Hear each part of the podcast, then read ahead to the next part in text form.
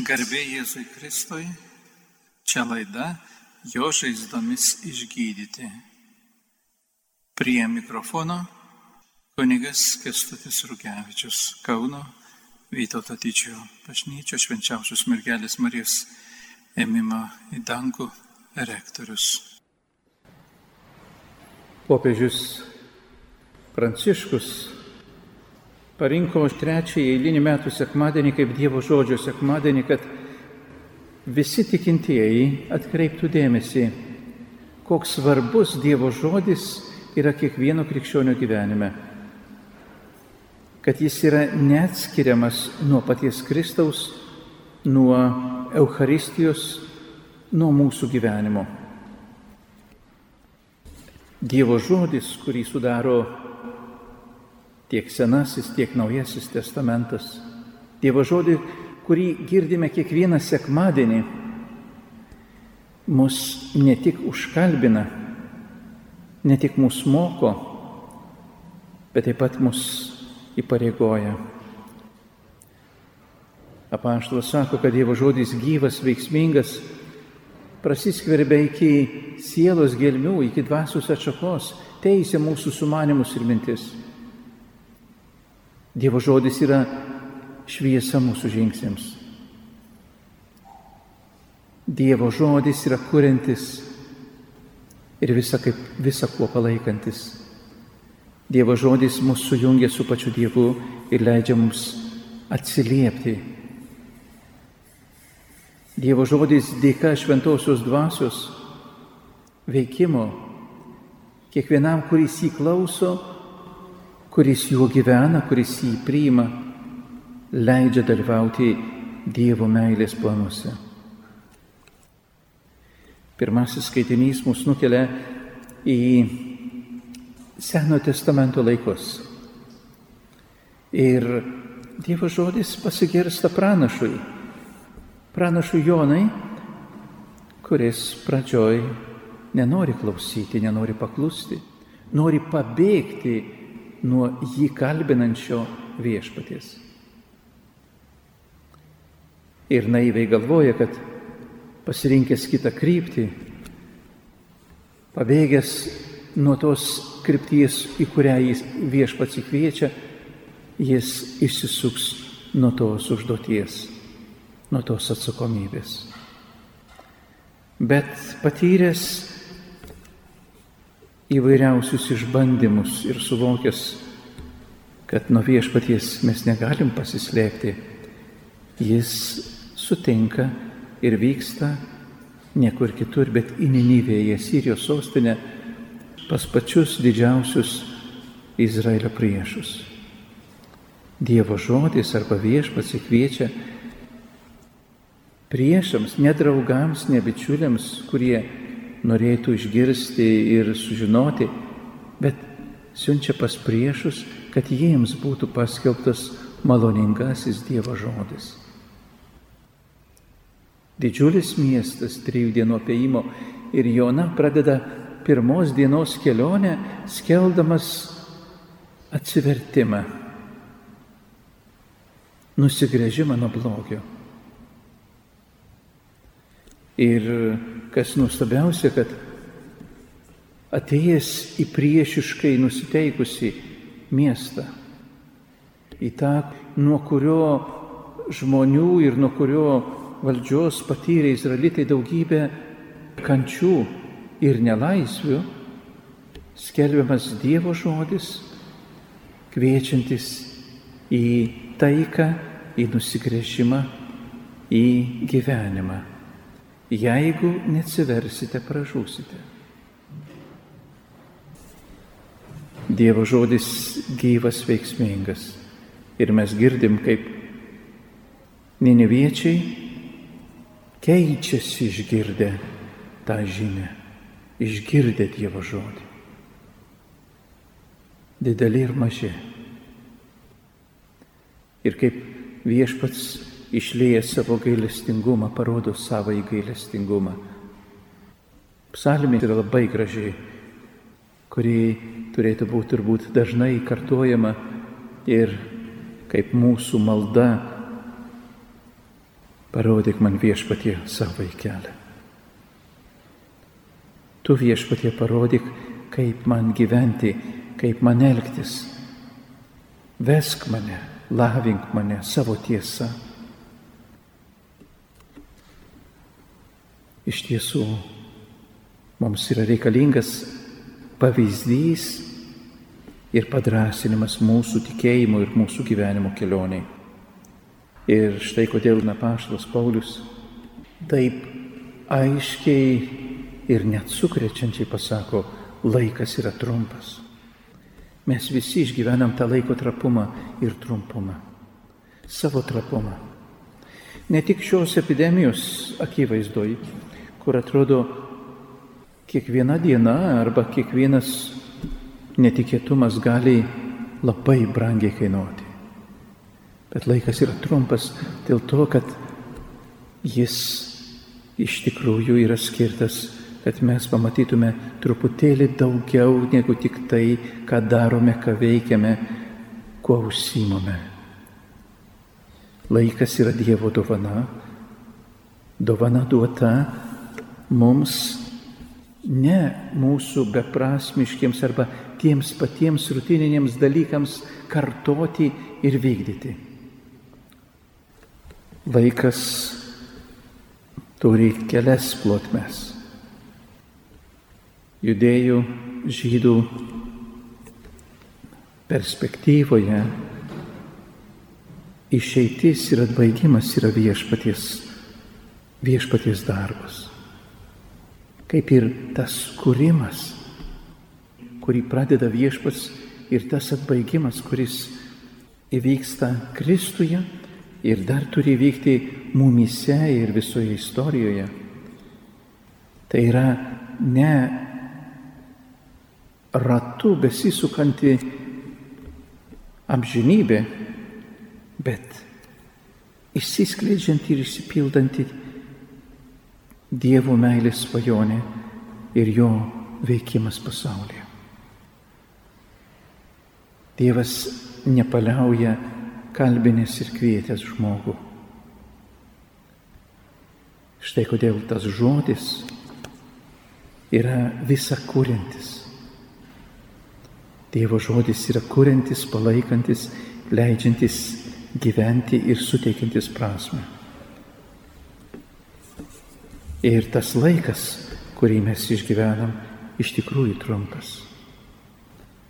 Ypač jeigu mes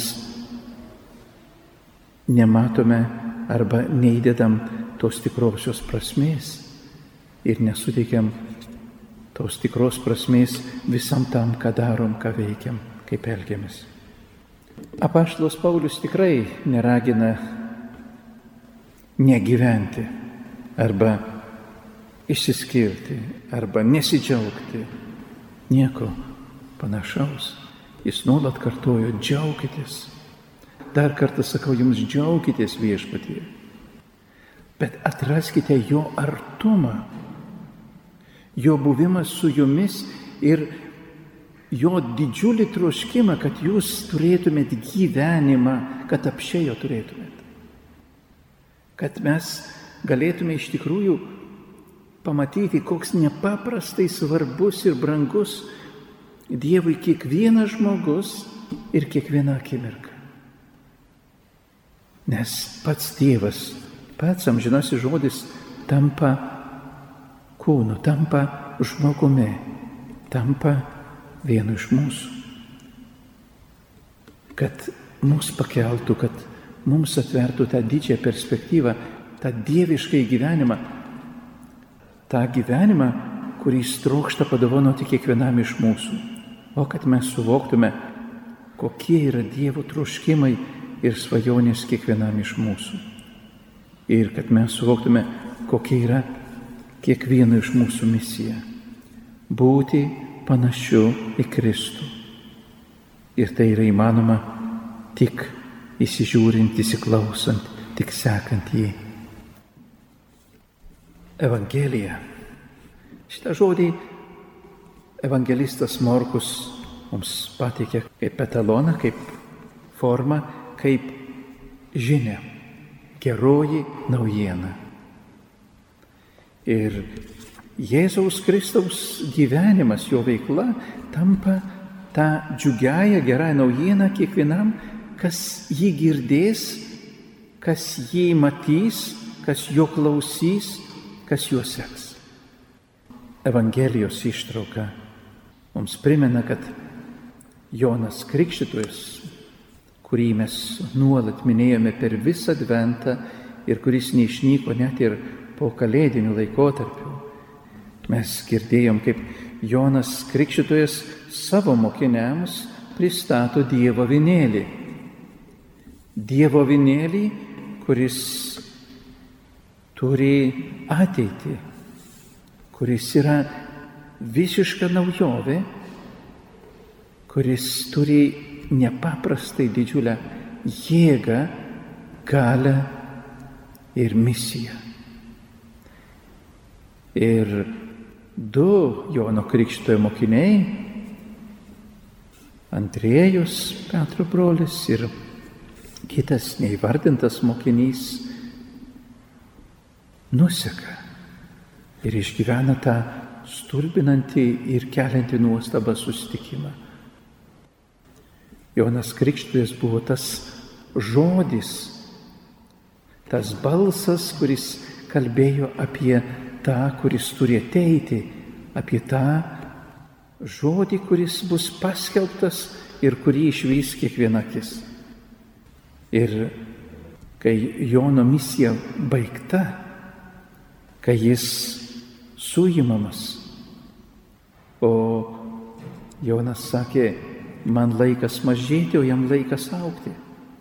Aš džiaugiuosi, kad jis išeina į į šviesą. Nes aš esu pašauktas liūdyti apie tą šviesą ir skelbti visiems apie tą šviesą. Štai Jonas suimtas, Jonas baigia savo misiją ir išeina Jėzus. Jėzus grįžta į Galilėją nuo Jordano. Grįžta į tą vietą, kurioje pradeda skelbti Evangeliją, kurioje gyvena ir kurį, kur prabėgs didžioji jo gyvenimo, jo skelbimo dalis. Galilėja sritis, apie kurią taip labai neaiškiai penkis kart paminėta Senajame testamente, bet nuolat bus minima Jėzaus gyvenime jo veikloje, jo skelbime ir jo mokyme. Vieta, iš kurios ateina mokiniai ir į kurią jie kviečiami sugrįžti po Jėzaus prisikelimo. Vieta, kur vyksta gyvenimas. Tai yra taip pat mūsų gyvenimo vieta, mūsų kasdienybė. Pirmieji Jėzaus žodžiai kuriuos girdime Morkaus Evangelijoje, yra atėjo metas.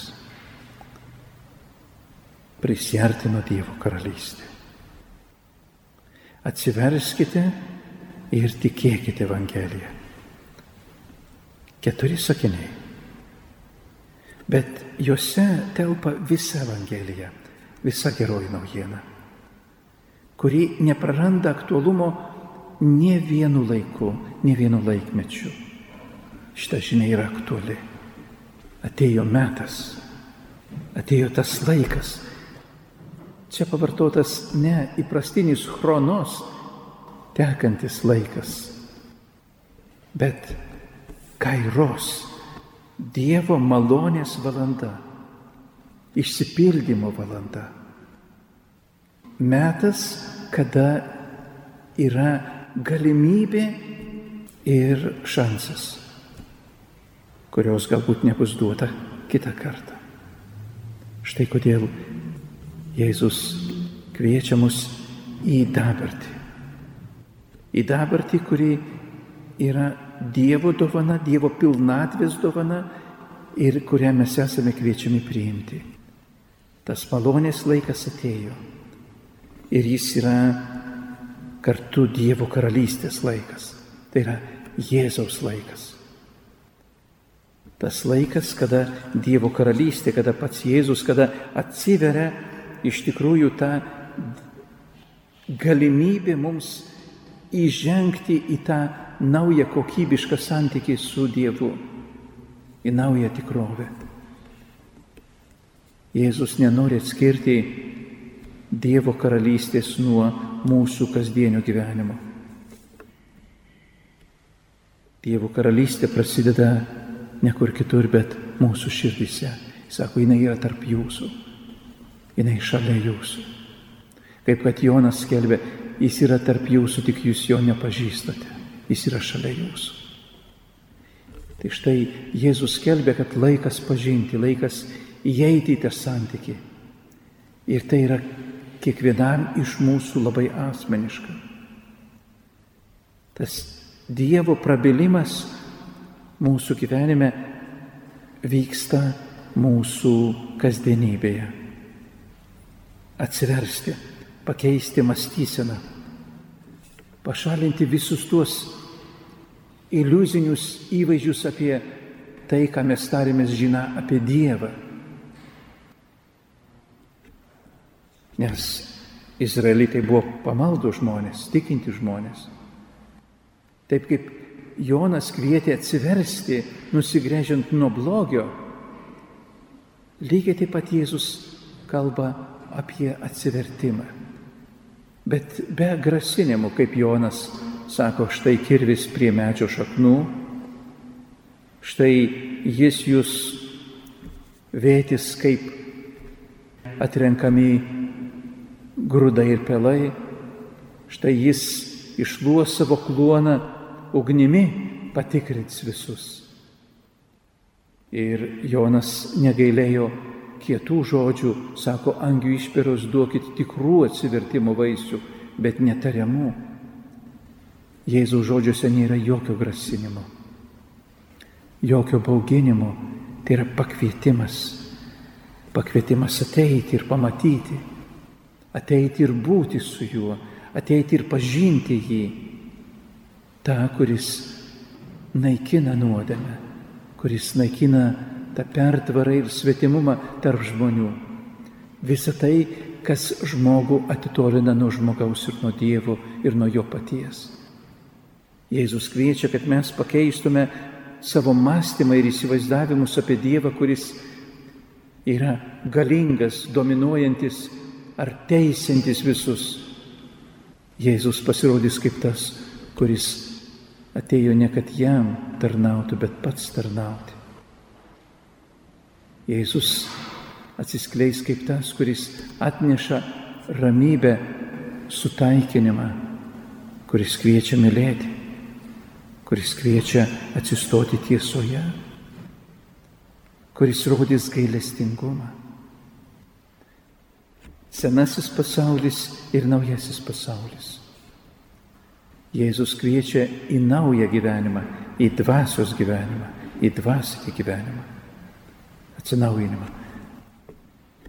Gyvenimas senuoju stiliumi tai yra tai, ką izraelitai patyrė. Dievo karalystė tai ne Davido karalystė. Izraelitai turėjo keturis su pusė šimtmečio karalystės arba monarchijos patirtį, kuri nebuvo jos išlaisvinanti ar paguodžianti. Labai dažnai tai buvo niekingų išnaudojimų ir prisitaikėliško gyvenimo istorija, kuri baigėsi tremtimi, kuri baigėsi sunaikinimu, kuri baigėsi neviltimi. Štai kodėl lūkesčiai augo ir štai Jėzus išeina kalbėdamas apie Dievo karalystę. Apie tą naują santykį, apie naują pradžią. Ir kvietimą tikėti tą gerąją naujieną, tikėti Evangeliją, tikėti Jėzumi, tikėti, pasitikėti ir užmėgsti su juo ryšį, santyki. Jėzaus šitas kvietimas yra palydimas jo paties veiksmo. Jis eina pagal Galilėjos ežerą ir ką jis mato? Jis mato žmonės, gyvų žmonės, paprastus žmonės. Jėzaus laikais Galilėjos ežeras ir Galilėjos žvėjai buvo tie, kurie sunkiai dirbo ir kurie tiekė maistą ne tik savo šeimoms, ne tik Jeruzalėje, bet kai kada ta žuvis buvo eksportuojama ir į pačią Romą, nes čia pat ją sūdė, kad jį išsilaikytų ir aprūpino visas aplinkinės vietovės. Štai kodėl Jėzus pamatęs du brolius, Simoną ir Andriejų, pakviečia juos. Pirmiausia, jis pamato taip, kaip jis mato kiekvieną iš mūsų. Po to jis kalbina ir kviečia. Eikite paskui mane. Jis pakviečia tuos žmonės nuo jų darbo vietos. Jis matė, kaip jie meta tinklus, žvėjai, eikite paskui mane. Ir kas nuostabu, to jau palikė tinklus, juodu nuėjo su juo. Tas žavesys, tas atsiliepimas, kurį mes turime kiekvienas padaryti. Ir mes jį padarome. Mes negalim neišgirsti, nepastebėti, nepamatyti jo. Taip, galim apsimesti, kad negirdim, liksim su savo tamsa. Galim apsimesti, kad nematom jo ir praeiti kitą kelio pusę, nesvarbu, koks mūsų laipsnis ar religingumo patirtis bus. Kaip levitas ar kunigas, galim praeiti pro šalį, apsimesti ir nepastebėti, apsimesti ir neišgirsti. Ir tuomet dėjuot, kad Dieve, tu nekalbi. Tu kurčias, tu aklas, tu nesirūpini manimi. Nes aš pats svarbiausias savo, o man kiti nelabai svarbus. Bet jeigu mes trokštame būti svarbus, pirmiausiai pamatykime jo mylinti ir pasitikinti žvilgsnį jo kviečiantį žodį, jo padrasinančią meilę. Pirmieji mokiniai paliko tinklus. Tinklai tai, iš ko jie gyveno, bet kartu tinklai gali būti ir tai, kas mums trukdo atsitraukti.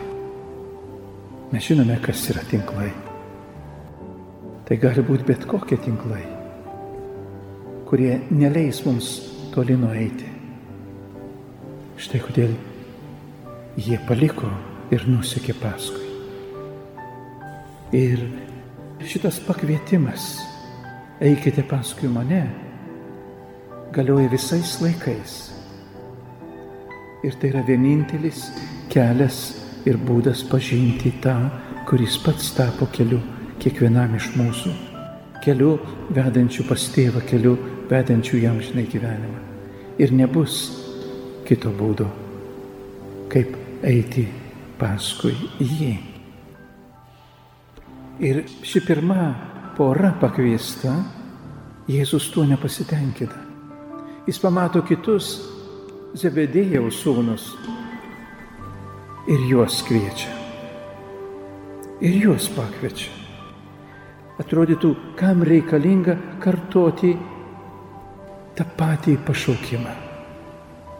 Mėlyjei, mums kiekvienam yra reikalingas turbūt nuolatinis atsivertimas, nuolatinis pakvietimas ir priminimas ir nuolatinis atsiliepimas. Dievas nepaliauja mus šaukęs ten, kur mes esam, kur gyvenam, ką darom. Ir Tai nėra tik paprastas pakartojimas. Kiekviena Evangelijos detalė, kiekvienas epizodas mums atskleidžia ir mus pamoko dar daugiau. Štai Zebedėjaus sūnus, Jokūbas ir Jonas, jie taip pat taisė tinklus, taip pat dirbo savo darbą.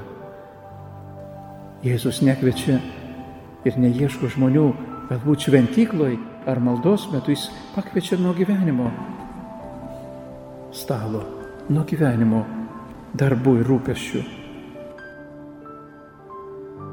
Pašaukęs juos, jis mato, kad jie turėjo palikti kai ką daugiau, ne tik tinklus, palikė savo tėvą Zebedėjų. Su samdiniais valtyje jie nusekė paskui jį. Evangelistas išvardina, kad jie paliko tėvą. Tai, kas atrodo teikia jų gyvenimui tvirtumą, pamatą, nuoseklumą, visą tą tradiciją, visą tai ant ko laikėsi, visą tai, kas buvo, atrodo, taip pastovu ir tikra. Jėzus visuomet kviečia išeiti iš to, tai, ką mes labai gerai žinome apie jį, ką mes mokame, ką mes suprantame, kaip mes melžiamės, kaip mes gyvename, nes juk mes esame padorus ir geri krikščionys viską žinome, viską mokame, turime tiek daug patirties, o Jėzus kviečia eiti paskui jį naujai, palikti tai, kas atrodo taip mums įprasta ir sava, taip saugu. Ir kartu visi tie socialiniai santykiai, samdiniai, darbo aplinka, valtis, visa tai kas mums teikia tikrumą. Bet tas Jėzaus žavesys, ta nuostaba, tas pakvietimas, į kurį negali neatsiliepti, yra nulatinis. Ir nesvarbu, kiek jau mes metų esame tikėjimo kelyje. Mes esam ir būsim tik kelyje. Ir neįsimušim iš to kelio, jeigu eisim paskui Jėzų. Jeigu juos seksim, jeigu norėsim iš jo mokytis, jeigu jis bus mums tas, kurį sutikę kai kurie mokiniai sako, mano viešpats ir mano Dievas. Kaip pasakys Petras, tu turi amžino gyvenimo žodžius, pas kągi mes eisime. Ir šis Dievo žodžio sekmadienis kviečia mus ne tik skaityti ir klausyti Evangeliją, bet gyventi ją. Niekas už mūsų negalės padaryti to pasirinkimo. Išgirsti ir atsiliepti viešpačiui savojų gyvenimu. Ir niekad nėra vėlu, nes, kaip matome Evangelijoje, šita kelionė bus pažymėta ir nuosmukių, ir nesusipratimų, ir išdavyščių, ir nežinios, ir nuovargio, ir ašarų, bet Jėzaus pasitikėjimas, jo meilė ir jo kvietimas yra stipresni už bet ką. Ir šie du stalai, Dievo žodžio stalas ir Eucharistinis stalas yra neatsiemi. Ir mes esame kviečiami iš naujo ir iš naujo eiti paskui Jėzų. Amen.